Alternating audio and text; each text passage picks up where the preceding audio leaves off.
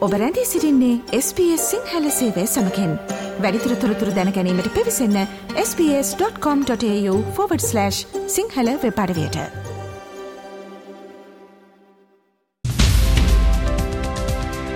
මවබිමින් පුවත්. ඔස්ට්‍රේලියාවේ අද උදැස්සනවද විට ශ්‍ර ලංකාවෙන් වාර්තාාවන ප්‍රධානතම පුවත් කිහිපය මෙන්න. අද සැප්තැමර් මාස පහලොස්වනිදා මෞබිමෙන් පුවත් විශේෂන්ගේෙන් ඊයේ දිනේ ශ්‍රී ලංකාවේ සිදුවීම් දෙස අපි එමනම් අදත් අවධානයොමු කරමු. පාතාල ක්‍රියාකාරකයින් නීතියේ රැහැනට හසුකර ගැනීම පහුගේ දිනවලත් දකින්න ලැබුණා ඒ අතරින් කෙනෙක් තමයි නදුන් චින්තක එවනතම් හරක් කටා කියන අන්වර්තනාමයෙන් හඳුන්වන පුද්ගලයා ඔහු අපරාධ පරීක්ෂණ දෙපාර්තමේන්තුවේ අත්අඩංගුවෙන් පැනලා යන්න යම් සූක්ෂම ක්‍රියාමාර්ග දියත් කරා කියලා කිව්වා. පොලිස් කොස්තාපල්වරයෙක් පිළිබඳව විමර්ශන සිදු කරන ඔහු හොයනවා. කොමුණත් අපරාධ පරීක්ෂණ දෙපාර්තමේන්තුව අත්අඩංගුවේ ඉන්න සංවිධානාත්මක අපරාධකරු නදුන් චින්තක එම නැත්නම් හරක් කටා ඔහු රෝහල්ගත කරලා තිබෙනවා. රෝහල්ගත කරන්න හේතුව හදිසියේ හෘදයාබාධයක් වැළඳීම කියලා තමයි ආරංචි මාර්ග සඳහන් කරලා තිබුණේ.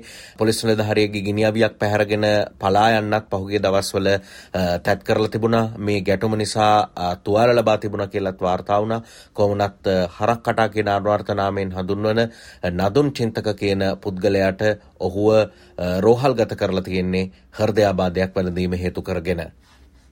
පහුගිය දිනවල මුදල් විශුද්ධකරණය පිළිබඳ ආසියානු පැසිෆික් කණ්ඩායමේ ඉහළ පෙළේ දූත පිරිසක් ලංකාවේ සංචාරයක නිරත වුණා. ඒ බව ජනාධිපති මාධ්‍යංශය සඳහන් කරලා තිබුණා. දෙදස් විසිපහ අවුරුද්දට කලින් ලංකාවේ මුදල් විශුද්ධිකරණය සහ ත්‍රස්තවාදී මූල්‍යකරණයට එරෙහිව නෛතික රාමු ශක්තිමත් කිරීමට රාජ්‍ය අවධානය යොමු කරලා තිබෙනවා. මේ පැමිණිලා ඉන්න පිරිසට මුදල් විශුද්ධිකරණය පිළිබඳව ආසියානු පැසිෆික් කණ්ඩායමේ සමසභාපති සහ කැනඩාවේ මුදල් දෙපාර්තමේන්තුවේ මුල්්‍ය ප්‍රතිපත්ති අංශයේ සහකාර නියෝජ්‍ය අමාත්‍යවරයා එකතු වෙලා හිටිය මේ කණ්ඩායමත් එක්ක දින තුනක සංචාරය ඇතුළේ මේ දූත පිරිස ජනාධිපතිවරයා විදේශ අමාත්‍යවරයා අගවිනිසුරුවරයා නීතිපතිවරයා මහ බැංකු අධිපතිවරයා ඇතුළු පිරිසක් මුණ ගැහිලා සාකච්ඡා කරන්නත් නියමිතව තිබෙනවා. ඒ අනුව 2025 වසරට කලින් ලංකාවේ මුදල් විශුද්ධිකරණය සහ ත්‍රස්තවාදී මූල්‍යකරණයට එරෙහි නෛතික රාමුව ශක්තිමත් කරන්න අවධානය යොමු කරලා තියෙනවා. ජාත්‍යන්තර මූල්‍ය අරමුදල ශ්‍රී ලංකාවට ලබා දුන් විස්තීරණ ණයපාසුකමේ පළමු ණයවාරිකයට අදාළ සමාලෝචනය ඊයේ දවසේ ආරම්භ කළා. ජාත්‍යන්තර මූල්‍ය අරමුදල නියෝජනය කරමින් නිලධාරීන් පිරිසක් ඊයේ දවසේ ලංකාවට ඇවිල්ලා ඒ පිළිබඳව සමාලෝචන කටයුතු ආරම්භ කළා. මේ සමාලෝචනයෙන් පස්සේ ජාත්‍යන්ත්‍ර මූල්‍ය අරමුදල දෙවෙනි ණයවාරිකය ලබා දෙන්න සූදානම් වන බව එය ශ්‍රී ලංකාව ලබා ගන්න සූදානම් වන බව මුදල් රාජ්‍ය අමාත්‍ය ශයහන් සේමසිංහ රාජ්‍ය අමාත්‍යවරයා සඳහන් කළා. ජාත්‍යන්තර මූල්‍ය අරමුදලේ මැදිහත් වීම අපේ රටේ ආර්ථිකය නැවත කඩිනමින් යථාවත් කිරීමට සමත් වුණා වගේම මේ අපි විසින් ඉදිරිපත් කරපු යෝජනාවලිය ලෝකය විසින් පිළිගන්න යෝජනාවලියක් බවට පත් වුණා. ඒ වගේම අපි දැනට දේශීය ණය ප්‍රශස්ත කරන වැඩසටහන ක්‍රියාත්මක කරමින් පවතිනවා. ඒකේ තව අධියරක් ක්‍රියාත්මක කිරීමට තියෙනවා. ඒ අධියර ඉදිරි සති කිහිපය තුළදී ක්‍රියාත්මක වෙයි. ඒ වගේම විදේශීය ණය ප්‍රතිව්‍යුහගතකරණයට දේශීය ණය ප්‍රශස්ත කරන වැඩසටහන අවසන් කිරීම ඉතාම වැදගත්. ඒ වගේම අපි බලාපොරොත්තුව වෙන්නේ දෙසැම්බර් මාසයේ වෙද්දී ශක්තිමත් ස්ථාවරත්වයක් ආර්ථිකය තුළ අරගෙන 2024 සිට ආර්ථික වර්ධනයක් වෙත ගමන් කිරීම. ජාත්‍යන්තර මූල්‍ය අරමුදල මේ සමාලෝචනය සහ ඔවුන්ගේ අනුග්‍රහ ශ්‍රී ලංකාවට ලබා දීම තුළ විදේශීය රටවලට යම් ආකාරයෙන් ශ්‍රී ලංකාව පිළිබඳව සහතිකයක් ලබා දීමක් ඔවුන් සිද්ධ කරන බව ශයන් සේමසිංහ මුදල් රාජ්‍ය අමාත්‍යවරයා මාධ්‍ය හමුවේ අදහස් දක්වමින් සඳහන් කළා. මේ සමාලෝචනය කරන්නේ ජූනි 30 දක්වා කාල පරිච්ඡේදය තුල. විශේෂයෙන්ම අපි බහුතරයක් ඒ කාරණා සම්පූර්ණ කරලා තියෙනවා. විශේෂයෙන්ම සමහර කාරණාවලදී අධිකරණමය කටයුතු සිදු වෙච්ච හින්දා අපිට අනපනත් සම්මත කර ගැනීමේ සුළු ප්‍රමාදයක් ඇති වුණා. එතකොට ඒ සම්බන්ධයෙන් අපි ඒ අදාළ පාර්ශවයන් සමග සාකච්ඡා කරලා ඒ බව දැනුම් දීලා තිබ්බේ. ජාත්‍යන්තර මූල්‍ය අරමුදල විසින් අපිත් එක්ක සාකච්ඡා කරලා ඒ අදාළ කාරණා අපි එකඟතාවයන් වලට ඇවිල්ලා තියෙනවා. අතන මේ වැඩසටහන රජයේ වැඩසටහන. අපිට මේ වැඩසටහන ක්‍රියාත්මක කරන්න අවශ්‍ය සහයෝගය තමයි ජාත්‍යන්තර මූල්‍ය අරමුදල ලබා දෙන්නේ. අනිත් පැත්තෙන් අපේ ණය ප්‍රතිව්‍යුහගතකරණයට සහ අපිට විදේශීය මූල්‍ය වෙළඳපොළට ප්‍රවේශ වීම සඳහා අවශ්‍ය හයිය තමයි මේ ලබා දීම කරන්නේ ජාත්‍යන්තර මූල්‍ය අරමුදල. ඒත් එක්කම ජාත්‍යන්තර මූල්‍ය අරමුදලේ නියෝජිතයින් පිරිස ලංකාවට ඇවිල්ලා පළමු සමාලෝචනය සිද්ධ කරන අතරේ දෙවන නායවාරිකයේ විදිහට ඇමරිකන් ඩොලර් මිලියන 330ක මුදල ලංකාවට හිමි වෙනවා කියලා වැඩබලන මුදල් අමාත්‍යවරයා රංජිත් සිම්බලා පිටිය අමාත්‍යවරයා සඳහන් කිරීමක් සිදු කළා. අද සිට 27 දක්වා සමාලෝචනය යනවා මහා බැංකුවේ සහ මුදල් අමාත්‍යාංශ නිලධාරීන් සමග IMF නියෝජිත පිරිස සාකච්ඡාව යන්නේ. ජනාධිපතිතුමා කීපවරක් ඔන්ලයින් සම්බන්ධ වේවි. ඉන්පසු ජනාධිපතිතුමා දිවයිනට පසු අවසාන සාකච්ඡාවේදී තුමාගේ ප්‍රධානත්වයෙන් සාකච්ඡාව පැවැත්විලා සාකච්ඡාවට නිමා කරන්න පුළුවන් වෙයි.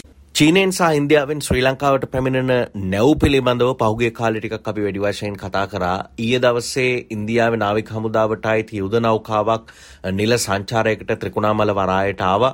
මේ නෞකාව දිවයිනේ රැඳී ඉන්න කාල සීමාව ඇතුලේ නාවික හමුදා කෙවිදුම් අංශයත් එක්ක කිමිදුම් පුහුණු වැඩසටහන් පවත්වන්න ඒ වගේම ත්‍රිකුණාමලයේ ජනතාව වෙනුවෙන් වෛද්‍ය කඳුරක් පවත්වන්න නියමිතයි කියලා වාර්තා වෙනවා. ඒ වගේම මේ නැව් ශ්‍රී ලංකා නාවික හමුදාව දෙරටේ හමුදාවන් අතර සුහදත්වය වැඩි දියුණු කිරීම වෙනුවෙන් සංවිධානය කරන වැඩසටහන් වලටත් සහභාගී වෙන්න නියමිතයි කියලා වාර්තා වෙනවා. මේ ආපු ඉන්දියානු යුද නෞකාව සැප්තැම්බර් මාසේ 21 වෙනිදා දිවයිනෙන් පිටත් යන්න නියමිතව තිබෙනවා. පසුගේ ජනාධිපතිවරණය කාලයේ සුදුවෑන් මාධ්‍ය සාකච්ඡාව පිළිබඳව බොහෝ දෙනෙකුට මතක ඇති මේ සම්බන්ධයෙන් රාජිත සේනාරත්න අමාත්‍යවරයාත් මේ මාධ්‍ය හමුවට සහභාගී වෙලා තිබුණා. ඔහුගේ ක්‍රියාකලාපය පිළිබඳව විපක්ෂයෙන් චෝදනා එල්ල වුණා. විවේචන තිබුණා. කොමුණත් ඔහුට පනවලා තිබුණු විදේශ ගමන් තහනම ඉවත් කරන්න අධිකරණය නියෝග කරලා තියෙනවා. මේ විදේශ ගමන් තහනම తాවකාලිකව ඉවත් කරන්න නියෝග කරපු විනිසුරුවරයා ඒ බව ආගමන විගමන බලධාරීන්ට දැනුම් දෙන්න කියලා අධිකරණයේ රෙජිස්ට්‍රාර්වරයාට කාර්යයක් නියෝග කරලා තිබෙනවා. රාජසේන රත්නයට පැමතිවරයණයෙන් පෙනී හිටපු නීතිඥවරයා අධිකරණයේදී කිව්වේ තමන්ගේ සේවාදායකයට පනවලා තිබෙන විදේශ ගමන් තහනම තාවකාලිකව ඉවත් කරන්න නියෝගයක් නිකුත් කරන්න කියලා. ඒ අනුව තමයි මේ තාවකාලික විදේශ ගමන් තහනම ඉවත් කිරීම රාජිත් සේනාරත්නයට පැමතිවරයාට එරෙහිව සිද්ධ වුණේ. ඩයනා ගමගේ රාජ්‍ය අමාත්‍යවරියගේ පාර්ලිමේන්තු මන්ත්‍රී ධූරය බල රහිත කරන්න නියෝගයක් නිකුත් කරන්න කියලා ඉල්ලලා ගොනු කරලා තියෙන පෙත්සමේ තීන්දුව ලබන ඔක්තෝබර් 18 වෙනිදා ප්‍රකාශයට පත් කරනවා කියලා අභියාචනාධිකරණය සඳහන් කරා. ඕෂල හේරත් කියන සමාජ ක්‍රියාකාරිකයා තමයි මේ පෙත්සම් ගොනු කරලා තිබුණේ. පෙත්සමේ විභාගය අවසන් කිරීමෙන් පස්සේ අභියාචනාධිකරණ විනිසුරු මඩුල්ල නියෝග කරා ඔක්තෝබර් මාසයේ 18 වෙනිදා ඊට අදාළ තීන්දුව ප්‍රකාශයට පත් කරනවා කියලා. එවනම් ලබන සඳුදා දිනේ සතියේ ශ්‍රී ලංකික දේශපාලන පුවත් විග්‍රහය සමග හමුවන බලාපොරොත්තු ඇතිව මම සමුගන්නවා ශ්‍රී ලංකාවේ සිට මනෝජ් උදටියාවල.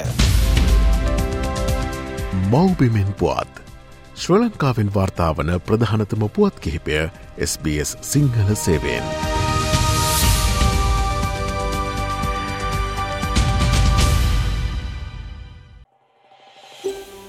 මේ වගේ තවත්තොරතුරු දැනගන්න කැමතිද. එහමනම් Apple podcast Google podcast Spotify ඔබගේ පොඩ්කාස්ට ලබාගන්න ඕනෑම මාතයකින් අපට සවන්දය හැකේ.